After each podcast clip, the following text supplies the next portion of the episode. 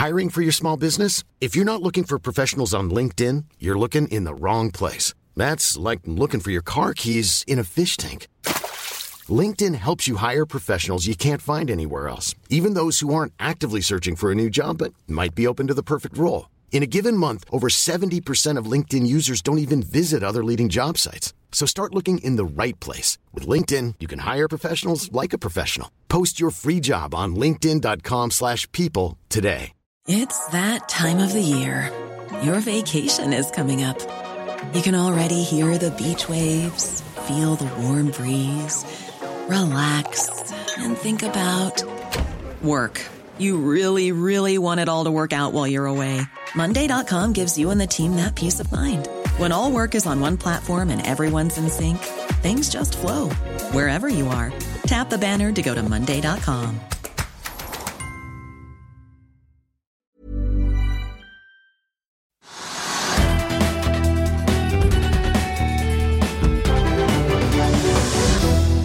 Velkommen til Økonominyhetene. Det er blitt torsdag 4. mai. Telenor økte svakt på topplinjen, men det ble minus på bunnlinjen, i hvert fall før skatt. Vi har straks med oss Telenors finansdirektør Tone Bakke. Boligprisene fortsatte opp i april og er nå opp 6,8% i år. Vi har med oss administrerende direktør Kristoffer Ascher i Semmo Johnsen litt senere i sendingen. Vi skal også innom dagens rentebeslutninger og litt til. Men aller først det som skjer på Oslo Børs. Vi kan ta med at oljeprisen den er nå opp 1 til 72 dollar og 58 cent. Og hovedindeksen på Oslo Børs den er imidlertid ned 0,6% til 1196,76. Og det er ikke Telenor som bidrar til den nedgangen. Unnskyld, ikke, ikke, Equinor som bidrar til den nedgangen. Den er, eh, oppgangen for Equinor er 2,6% til 300 kroner og 90 øre. Og det er eh, forklares med kvartalstallene som kom i dag. Selskapet tjente eh, veldig mye penger. Ikke like mye som i forrige kvartal eh, i fjor, men eh, det ble mye igjen på bunnlinja. På toppen på vinnerlisten så har vi Canopy Holding, som er et lite selskap. Der var det ekstraordinær generalforsamling i går. Og nye styreleder og styremedlemmer de tegna seg for mye aksjer. Det kan du lese mer om på finansavisen.no. På taperlista finner vi Valenius Wilhelmsen, Valenius Wilhelmsen øverst, med en nedgang på 16,4% De la fram kvartalstallet i dag, som var det tredje beste kvartalet noensinne. Men det var et par andre ting som ikke var helt etter forventningene. I hvert fall hadde analytikerne venta litt andre tall. Det kan også lese mer om på finansavisen.no. Kronen kan vi ta med. Den styrker seg litt, både mot dollar, euro og pund. 10 eh, kroner og 69 øre mot dollar nå, 0,49 eh, Samme mot euro, en halv prosent der også, til 11 kroner og 83 øre. Og mot pundet til 13 kroner og 44 øre. På børsene i Europa så er det litt eh, ned, ja, ganske kraftig ned. Eh, det var vel venta at renten skulle opp videre i dag, og det skal vi få høre litt mer om litt senere. I hvert fall så er børsene ned. I London så er det ned 0,8% samme i Frankfurt. Ned en prosent i Paris og ned en prosent i Milano, samme også i Madrid. Og Stox 600 er da ned 0,9 på børsene i eh, New York så ligger an til at det åpner ned 0,3 til 0,4 for eh, Dow Jones og SMP 500, og 0,2 for eh, Nasdaq. Telenor hadde driftsinntekter på 19,2 milliarder i første kvartal. Et driftsresultat som falt 29% til 3,8 milliarder fra samme kvartal i fjor. Og et resultat på minus 50 millioner på resultat før skatt. I fjor så hadde de 5,4 milliarder på samme tid. Vi har med oss finansdirektør i Telenor, Tone Bakke. Velkommen. På en skala fra 1 til 10, hvor fornøyd er dere med første kvartal? Vi er godt fornøyd med første kvartal. Jeg tror ikke jeg skal verken kaste terning eller sette på skala, men det vi mener nå er at dette kvartalet demonstrerer at vi har god fart og gjennomføring på den strategien som vi presenterte på kapitalmarkedsdagen vår i høst. Ja, Tjenesteinntektene var litt opp, men det var omtrent som venta, til 14,9 milliarder. Eh, opp 2-3 var det vel. Er det helt på linje med det som var planen, eller? Ja, altså Det som er spesielt med Telekom, er jo det at 2-3 eh, defineres faktisk som ganske god vekst. Det er jo en industri som har vært preget av falende topplinje og, og falende priser på, på, tjenestene. Så det at vi nå klarer å levere topplinjevekst, og vi leverer 5% vekst i mobilinntekter i Norden, er sett på som et ganske sterkt resultat på topplinjen. Klarer dere å øke prisene i takt med inflasjonen? Eller er eh, konkurransen for sterk? Nei, altså eh, Telekomtjenester vil ikke typisk være det som driver inflasjonen i noe marked, sånn som vi ser det.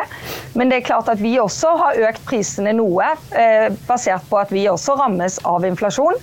Og at vi også ruller ut 5G og tilbyr nye tjenester til kundene. Mm. Den frie kontantstrømmen før sammenslåinger og oppkjøp var på 400 millioner. Er det godt nok?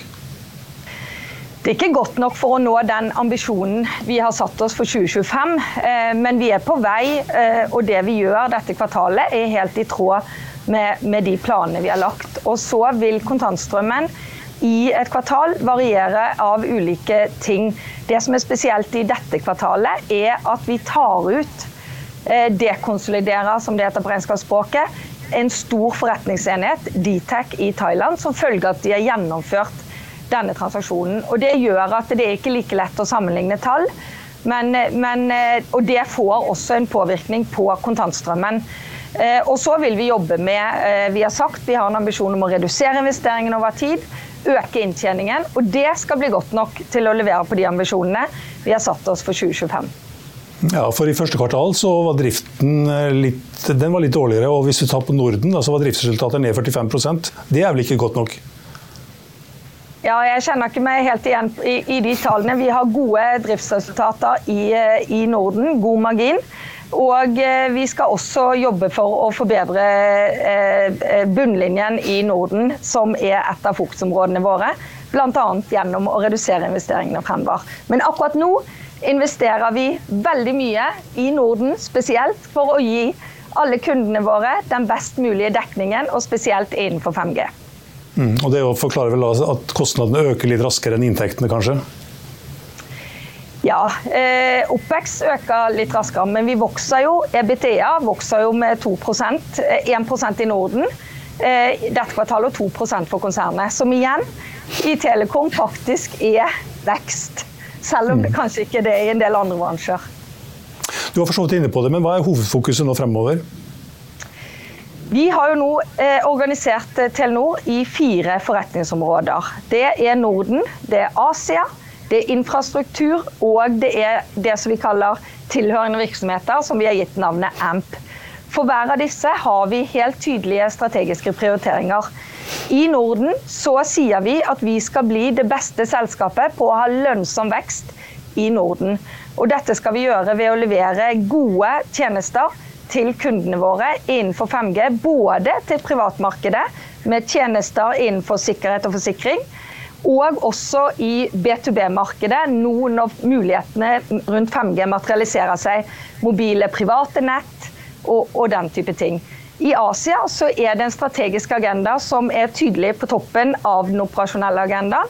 Og vi har jo eh, gjort to gigantiske fusjoner hvor vi ser et betydelig synergipotensial. Vi har sagt at vi ser nåverdien av de synergiene vi, vi har ambisjon om å realisere, er 20-25 milliarder kroner på, på, på, eh, for Telenor. Så her er det store oppgaver og spennende oppgaver som vi har gode planer for å gjennomføre på. I infrastruktur så jobber vi med å eh, vi har gjennomført en fibertransaksjon, og vi jobber også med å se hvordan tårnporteføljen kan verdiutvikles. Til slutt, i det siste området som er tilhørende virksomheter, der bygger fokusområdene på det vi har i Norden knyttet til 5G. Og innenfor AMP så er det IoT og security og eh, definerte områder tilhørende disse. Sånn at vi har en tydelig strategisk agenda hvor vi nå gjennomfører eh, på den løpende per kvartal. Tusen takk skal du ha, Tone. Da skal vi rulle videre. Og vi skal over til eh, kanskje dagens store nyhet i Norge, Are. Rentebeslutningen fra Norges Bank. Ja, utfallet var jo ikke noe stor bombe. Ble, renten ble hevet med 25 basispunkter, akkurat som Norges Bank varslet i mars. Og øh, vi fikk beskjed om at det kommer en heving til i juni. Det var helt som forventa. Det var det ingen nyhet i. Nyheten syns jeg ligger i at Norges Bank nå har satt ned foten på kronekursen. Eh, de, de, vil ikke innrømme at det, er det, de har gjort, men varselet er at hvis kronen holder seg på det svake nivået nå, så kan det være nok til å gi flere rentehevinger enn det som har ligget i lufta. Eh, så om du vil, så setter de altså en, en, smertegrense for kronekursen, og, og alt svakere enn det skal utløse flere rentehevinger. Har vi noen idé om hvor mange det kan bli? Det kommer en renteheving til i juni, vi er ganske sikre på? Ja, og den har Norges Bank varslet lenge. Så spriker analytikerne mellom rentetopp på 3,75, altså en heving i høst, eller fire blank to hevinger i høst. Eh, kronen ligger nå 5% svakere enn det nivået Norges Bank synes er for svakt. Svakere enn det nivået de varslet i, mars, som de nå sammenligner seg med. Og Det er jo ganske mye. Eh, og så har vi i tillegg de hjemlige faktorene. Den andre biten av dette er at presset i norsk økonomi vedvarer. Eh, Norges Bank innrømmet i dag at lønnsveksten ligger an til å bli høyere enn de anslo i mars. De trodde på 5,1% så har vi fått eh, frontfaget på 5,2 og store deler av offentlig sektor på 5,4. Så, så, der kommer det et bidrag til inflasjonen som trekker rentene opp, alt annet like. Inflasjonen har for så vidt holdt seg sånn cirka som forventet, men eh, Ida Wolden Bakke gikk langt i dag i å si at hvis ikke ledigheten snart begynner å stige, så er det også en trigger som kan bidra til høyere rente. Det var ganske mye på alle fronter. blir det fire som er toppen, eller kan den til og med bli høyere? Ja, alt er mulig, men jeg, jeg, jeg vil ikke spå. Uh, Norges Bank går sakte frem. De vil ikke overraske. Hvis vi snakker om Fed etterpå, så kan vi komme inn på overraskelser, eller ESB, men Norges Bank vil ikke overraske. Og da tror jeg jo på at de følger den planen de sier at de legger opp. Så kan det hende at terrenget ser annerledes ut enn kartet, og de må justere litt. Men eh, kompasskursen de har staka ut, den stoler jeg på at de prøver å følge. Så er diskusjonen burde de gått raskere fram, at 50 punkter nå, eller vært ferdig tidligere med hevingene. Uh, Swedbanks sjeføkonom Kjetil Martinsen tror det kunne hatt en større effekt på kronekursen enn nå å gå en kvarting i ny og ned og holde et lavt og forutsigbart tempo. Jeg tror ikke forskjellen i rentetoppen vil være så stor, men spørsmålet er om man tar mer i et jafs. Det får vi ikke vite. Mm. Du var inne på amerikanske sentralbanken, ja, det, som eh, hadde rentebeslutning i går. Ja, og det var jo morsomt. Eh, først så kom jo pressemeldingen fra, fra, Fed eh, som tydelig varslet at rentetoppen var nådd. Det var ingen planer om å heve rentene videre. Så gikk det en halvtime, og så kom Powell på talerstolen, og noe av det første han sa var at vi har ikke vedtatt noen rentepause. Og det skal ikke mye til før renten skal videre opp. Og alt prat om mulig rentekutt det blåste han av som vanlig. Så som vi har sett så mange ganger før, så snudde markedene fra en forsiktig gledesrus etter pressemeldingen til sånn halvdeppa sorg etterpå, da Powell hadde prata ferdig. Og nå om få minutter så skal Lagarde på talerstolen og forklare hva ESB har tenkt. Eh, det er nesten så jeg mener at hun ikke forklarer hva ESB har tenkt, for hun går så langt hun kan i å ikke guide. Hun sier alt avhenger av data, alt avhenger av alt. Vi får se, vi får se, vi får se. Men nå ble det altså 25 basispunkter fra ESB istedenfor de 50 som noen hadde spekulert på. Så, Nå er vi på 375? Ja. Eh, så eh, Internasjonalt så kan man kanskje si at rentehevingstoget har bremsa litt i går og i dag, i USA og i eurosonen. I Norge så har toget så vidt forlatt stasjonen og skyter fart. Tusen takk skal du ha, Are. Da skal vi rulle videre fra rente til boligpriser. Vi er straks tilbake med mer om det, og administrerende direktør Kristoffer Ascher i Semmo Johnsen rett etter dette. Vil du bli oppdatert på det viktigste som har skjedd innen finans og næringsliv? Da er det bare å følge med, for hver morgen er jeg, Marius Lorentzen og aksjekommentator Karl Johan Malnes på plass i studio for å ta tempen på dagens marked i Børsmorgen. Og hver ettermiddag oppsummerer vi alt du trenger å vite i økonominyhetene, og det blir selvfølgelig masse interessante gjester. Klikk deg inn på fa.no-tv, eller søk opp Børsmorgen og Økonominyhetene der du hører på podkast.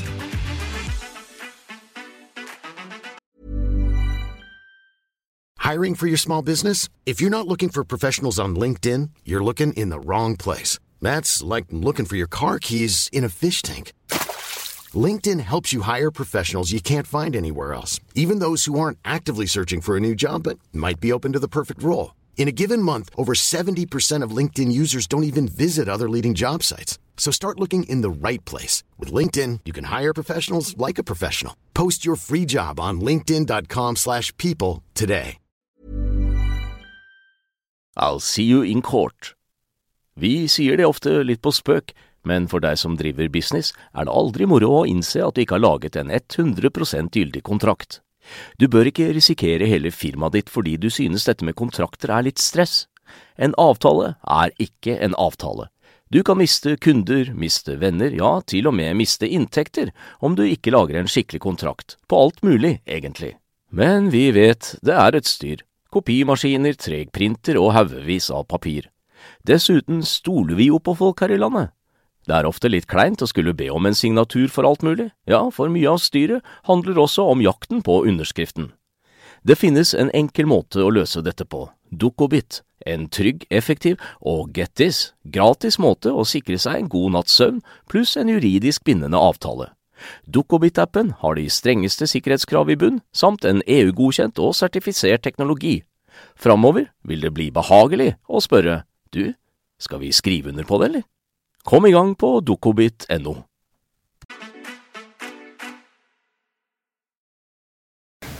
Ja, da har vi med oss administrerende direktør i eh, Samuel Johnsen, Kristoffer Ascher. Velkommen. Takk. Boligprisene fortsatte opp 1 eh, i april, 0,7% justert. 6,8% hittil i år. Er du overraska? På ingen måte. Ingen måte. Nei, Opplevd temperatur i boligmarkedet reflekteres i statistikken. Ja. Men det er mange andre som er overraska over at boligprisene stiger så kraftig? Ja, Makroøkonomene har jo i lang tid eh, spådd kraftig nedgang i boligmarkedet.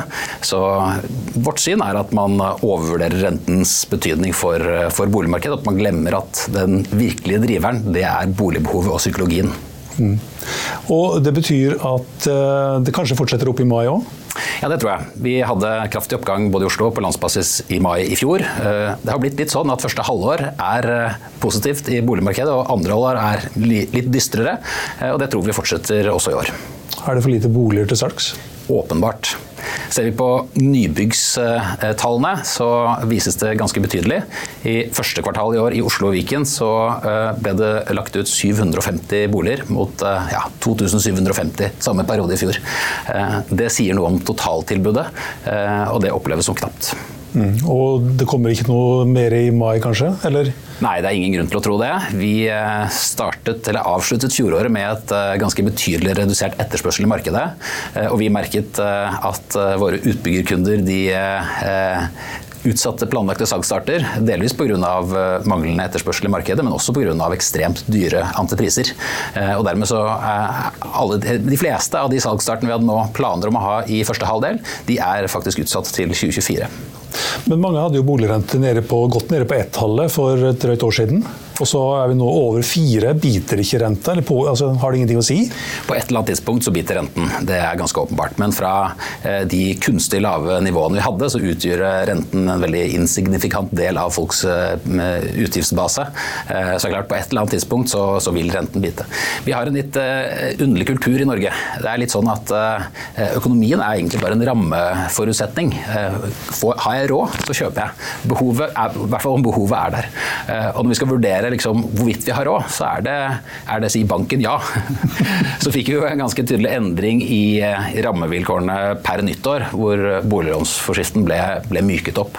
Og det ga eh, en betydelig økt kjøpekraft eh, til Ola Nordmann. Eh, og det har vi sett gjennom første kvartal at har hatt betydning på etterspørselssiden. Iallfall så sier banken sier ja til flere lånesøknader nå kanskje enn før. Det er riktig. Og, det, er det hele forklaringen, eller er det Nei, på ingen bortsett måte. fra det at det er færre boliger til salgs? Nei, på ingen måte. Hoveddriveren er som sagt eh, psykologien eh, på kort sikt, og så er det tilbudet på lang sikt. Så Tilbudet har jo vært svakt over en ganske lang periode, eh, mens etterspørselen var veldig svak i siste halvår, og særlig siste kvartal i fjor. Og det har gjort at, gjort at utbyggerne er nervøse. Vi halverte vårt nyboligsalg fra ja, 1250 nye boliger i 2021 til 750, ikke helt nesten halverte, i 2022. Så Eh, det har vært et veldig mye lavere tilbud i nyboligmarkedet over tid. Eh, og det, det merker man nå i totalmarkedet. Mm. Og det er vel ikke ting som skjer på kort sikt heller, som rokker på det? eller? Nei, det er klart at uh, En viktig årsak til at uh, utbyggerkundene utsetter salgsstartene, det er jo også høye entrepriser, dyre byggekostnader. Nå har man jo spådd i lang tid at uh, byggekostnadene skal ned.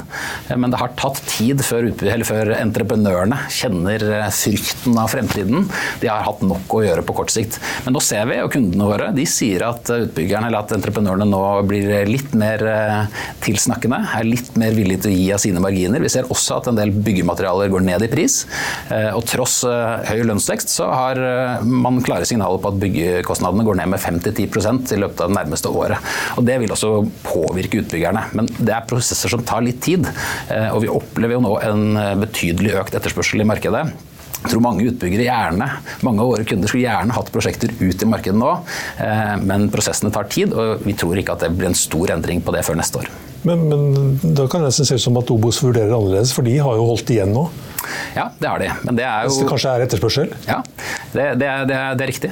Så, men det er klart at her er det jo veldig korte svingninger. Vi snakker jo bare fire og en halv måned tilbake, så var det jo omtrent helt dødt på etterspørselssiden. Så det å igangsette et boligprosjekt er ikke gjort på, på 1, 2, 3. Og det kan være at de som har kapasitet, og som har noenlunde fornuftige entrepriser, nå snur og prøver å få prosjektene litt raskere ut i markedet. Men jeg tror det store volumet, det vil vi først se en endring på til neste år. Er det noen boligkjøpere som er så fremsynte at de ser at i 2024-2025 så kanskje får vi en eksplosjon? Ja, Definitivt. Og så kjøper vi, da kjøper vi nå? Definitivt. Vi ser særlig det i de eh, mest eksklusive og kostbare boligprosjektene våre. Vi selger f.eks. Et, et boligprosjekt i Setravei for Neptun med store, kostbare leiligheter. Eh, kjøperne der er eneboligeiere som skal overta om to til tre år. Eh, og de sier det rett ut at vi tror på en liten dipp ut året, men så kommer det til å smelle pga. lav bygning, så vi er villige til å ta den ticketen. Både får vi innfridd boligbehovet vårt, men vi tror at på lang sikt, eller innen realisasjonstidspunktet, utgangspunktet så får vi bedre pris for boligen, og vi har gjort et relativt sett godt kjøp. Så vi ser det særlig i høyprissegmentet. Når det gjelder de litt mer normale prissegmentene, så har de ofte ikke en like spekulativ tilnærming til det å bytte bolig. Men i høyprissegmentet flykter ikke de kjøperne til Sveits? det er klart at I det virkelig høyprissegmentet så har vi jo merket en tendens til at det er noe færre kjøpere. Men da snakker vi jo eh, Hvor høyt må vi da? Nei, Da snakker vi normalt sett over 50 millioner kroner, og oppover så merker vi en endring eh, knyttet til det. Mm. Har du fått noen boliger i Oslo-området av skatteflyktninger som eh, skal prøve å selge eller leie ut? Klart at eh, de, det må jo bli noen? Det, det, er noen. Eh, det er jo ikke nødvendigvis så enkelt å eie en bolig i Norge når man eh, flytter. Det er ikke lov engang, er det det? Nei, det, det, er ikke det nødvendigvis. Sånn at det er, det er, noen som allerede har byttet hender, og det er noen som er åpne for det i, i underholdsmarkedet, nær sagt. Selger de noen hytter? Ja, vi selger hytter primært til fjells, men også noe langs Vestfoldkysten. Okay, hvordan er stemningen der nå? Stemningen har vært overraskende god i fjellhyttemarkedet på tampen av sesongen. Eh, fjellhyttemarkedet stenger uh, uken før påske. Man har jo en tendens til å kjøpe fritidseiendom med hjertet, se fremover. Nå er det kysten som gjelder. Men vi hadde betydelig økt etterspørsel i første kvartal sammenlignet med fjoråret. Vi har også opplevd noe ganske nytt. Vi har opplevd valutaeffektene i fritidsmarkedet. Særlig på Gaustablikk, hvor vi er store og har en høy markedsandel, så vil svenskene gjerne kjøpe både fort og gjøre opp fort for å dra nytte av, av valutaeffektene. Det har vi aldri sett tydelige spor på, men det ser vi nå. Både dansker og svensker, kanskje? Jeg, dansker har ikke noen tradisjon for å kjøpe fritidsbolig i Norge. Jeg vet ikke hvorfor, men svensker har det. Mm. Eh, er det noen av kundene dine som er urolige, eller som nevner boligskatten? Nå ble jo den lagt i skuffen, men den ligger jo bare i skuffen. Plutselig så dukker det opp igjen liksom lakseskatten.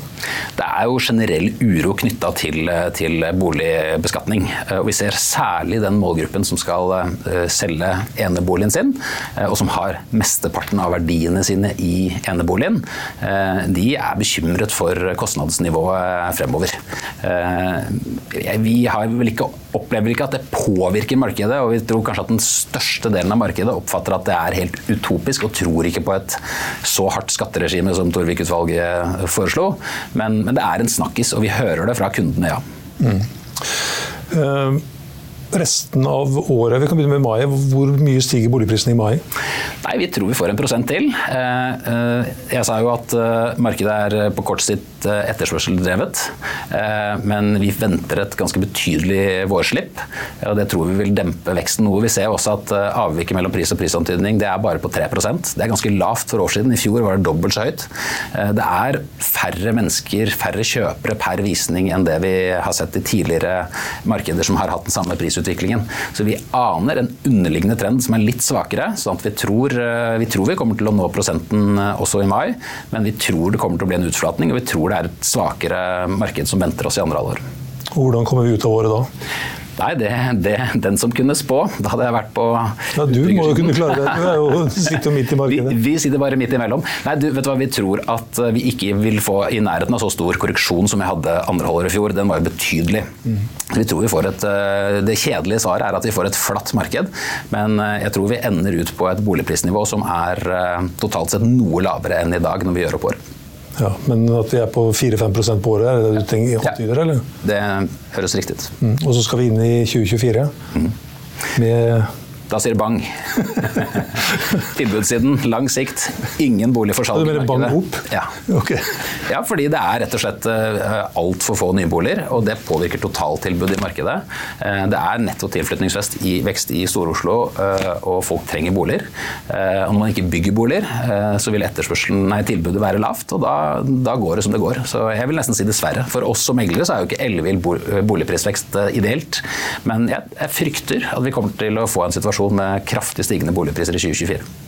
Hvis man skulle investert i en bolig som man ikke nødvendigvis uh, har bruk for, mm. uh, men en bolig som man skal bo i, hva er ditt beste investeringstips da? I Oslo? Nei, det, er, eh, det, vil være å kjøpe en, bolig, en prosjektert bolig. Eh, normalt sett så ligger nybyggpremien på 8-10 nå ligger den på 20 så du må relativt sett betale ganske mye mer for en nybolig enn en bruktbolig. bolig. men allikevel så tror vi at, at du kan utsette 90% av oppgjøret i to til tre år, og kombinert med den lave tilbudssiden vi venter, så tror vi at, at avkastningen på egenkapitalen kan bli ganske fantastisk hvis du kjøper i et et nyboligprosjekt. Og hvilket område er ikke nødvendigvis eh, veldig viktig. Mm. Tusen takk for at du kunne være med oss, Kristoffer. Takk for meg. Da skal vi rulle videre. Vi begynner å nærme oss slutten, men vi kan ta et par eh, selskaper eh, til på Oslo Børs. Vi var inne på Canopy. Vi kan også ta med Otto, som la fram kvartalstallet i dag. Aksjen er opp 11% nå. Det har jo vært en aksje som har vært banka nord og ned i lange tider. Eh, til 12,54 kroner.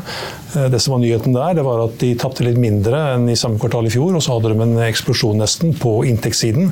Og I tillegg så guider de eh, fortsatt god utvikling, og som sagt opp 11 på taperlisten så kan vi også, i blant de mest omsatte, kan vi også ta med Kahoot, som faller 15% til, til 22 kroner og 20 øre. Jeg eh, la fram kvartalstall i dag som eh, til dels var på, eh, på, forventning, men det var også elementer der som ikke investorene og analytikerne helt likte, og sender da aksjen ned 15 i morgen så kan du lese Trygve Gidders leder om nytt jubelår for bøndene.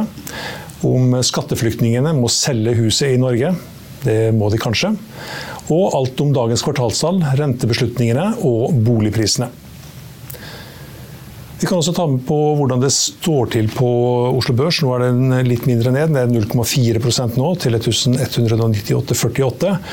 Og øh, oljeprisen, i hvert fall brent spot, er opp 1,1% nå, til 72 dollar og 66 cent. Og på børsen i New York så ligger det an til å falle litt mindre nå, ser vi. I hvert fall i forhold til da vi starta. Dow Jones og SMP 500 ligger an til å åpne ned 0,2% og Nasdaq ligger an til å åpne ned 0,1 vi kan også ta med hvordan det står til i kryptomarkedet. Der er bitcoin opp 2,3 til 29 174 dollar. Og i Europa er det fremdeles ned. Stokk 600 ned 0,5% Det var økonominyhetene her på Finansavisen torsdag 4. mai. Vi er tilbake igjen her med Børsmorgen onsdag unnskyld, klokken 8.55 i morgen fredag. Og da har vi med oss sjefstrateg i Danske Bank, Anders Johansen. I Økonominyhetene klokken 13.30 har vi med oss tidligere konsernsjef i Protektor, Sverre Bjerkeli, som nå gjør det godt som investor og analytiker. Husk også at du får de siste nyhetene minutt for minutt på finansavisen.no. Mitt navn er Stein Ove Haugen, tusen takk for at du så på og hørte på, og håper du er med oss igjen i morgen også.